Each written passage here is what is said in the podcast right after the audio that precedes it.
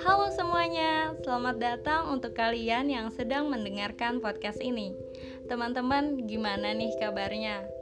Aku harap aku, kamu, dan orang-orang di sekitar kita selalu diberikan kesehatan dan kebahagiaan ya. Sebelumnya, perkenalkan, namaku Elita Rahmayani dari Pendidikan Sosiologi, Universitas Pendidikan Indonesia. Pada kesempatan kali ini, aku ingin mengangkat isu seputar masyarakat ogah vaksin. Kenapa? Belakangan ini sering banget kan kita dengar persepsi entah itu akurat atau hoax mengenai vaksinasi di berbagai media. Salah satunya adalah media sosial. Sadar enggak sadar, media sosial itu menjadi hal yang tidak dapat dihindari untuk kita gunakan. Terlebih lagi di masa pandemi teman-teman, adanya pandemi ini membuat pemerintah memperlakukan kebijakan PSBB yang kemudian berganti menjadi PPKM dengan pembatasan kegiatan di luar rumah untuk meminimalisasi angka kenaikan dari penyebaran virus COVID-19. Selain PSBB dan PPKM, pemerintah juga menggencarkan vaksin kepada masyarakat. Nah, Teman-teman sadar gak sih? Dari hal itu, sebagian masyarakat mulai mempertanyakan dan meragukan kemanjuran serta efek samping adanya vaksinasi. Adanya program vaksinasi membuat penggunaan media sosial saat pandemi semakin tinggi dan tidak terhindari. Bahkan masyarakat juga nggak segan-segan tuh untuk menyampaikan keraguannya di media sosial. Ruang media sosial menjadi dipenuhi dengan beragam persepsi. Ada yang sentimen, ada yang ogah vaksin, dan ada juga yang setuju adanya vaksinasi. Tapi sayangnya, banyak informasi yang tercampur antara berita yang akurat dengan berita yang hoax, dan akibatnya menimbulkan banyak sekali kekhawatiran dari berbagai kalangan nih teman-teman.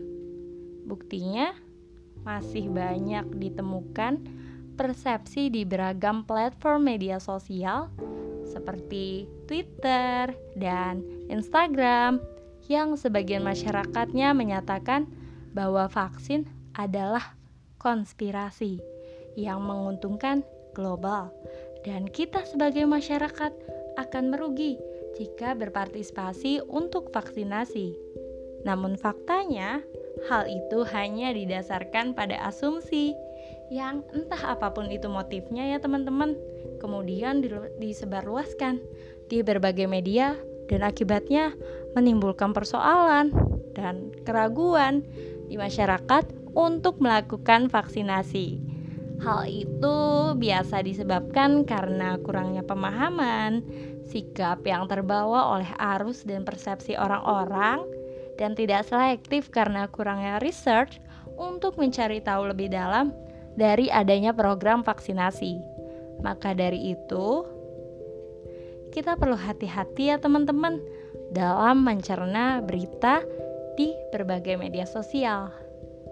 Karena pada faktanya pemerintah itu terus berupaya semaksimal mungkin untuk menekan dan mengurangi dampak yang membahayakan dari adanya wabah ini.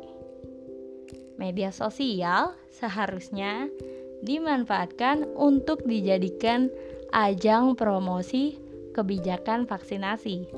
Akan tetapi, malah dijadikan wadah untuk menyebarkan berita kebohongan yang menyebabkan timbulnya masyarakat ogah vaksin.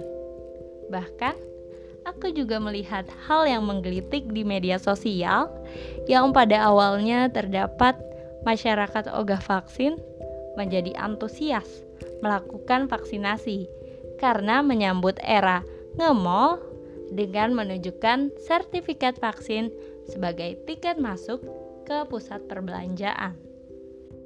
Teman-teman, jika kita melihat dari kacamata yang positif, tentunya hal ini juga berdampak baik untuk terwujudnya percepatan vaksinasi kan? juga menjalankan dan memutar roda ekonomi. Berita baiknya, seiring berjalannya waktu, kini aku melihat perkembangan vaksinasi sudah semakin dipandang baik dan diminati oleh masyarakat. Terbukti, lonjakan kasus COVID-19 di Indonesia sudah semakin turun drastis.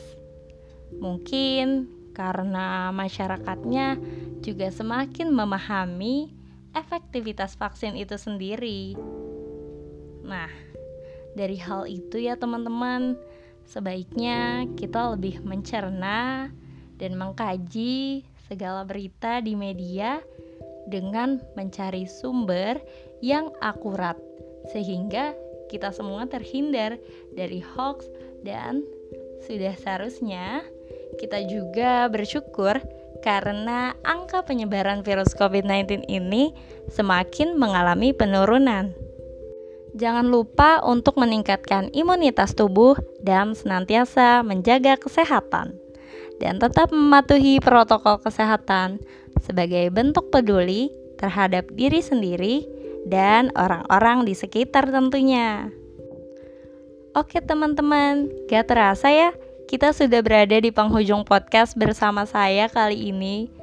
Terima kasih telah mendengarkan podcast ini sampai akhir, dan semoga hari-hari kalian selalu dipenuhi dengan kebahagiaan.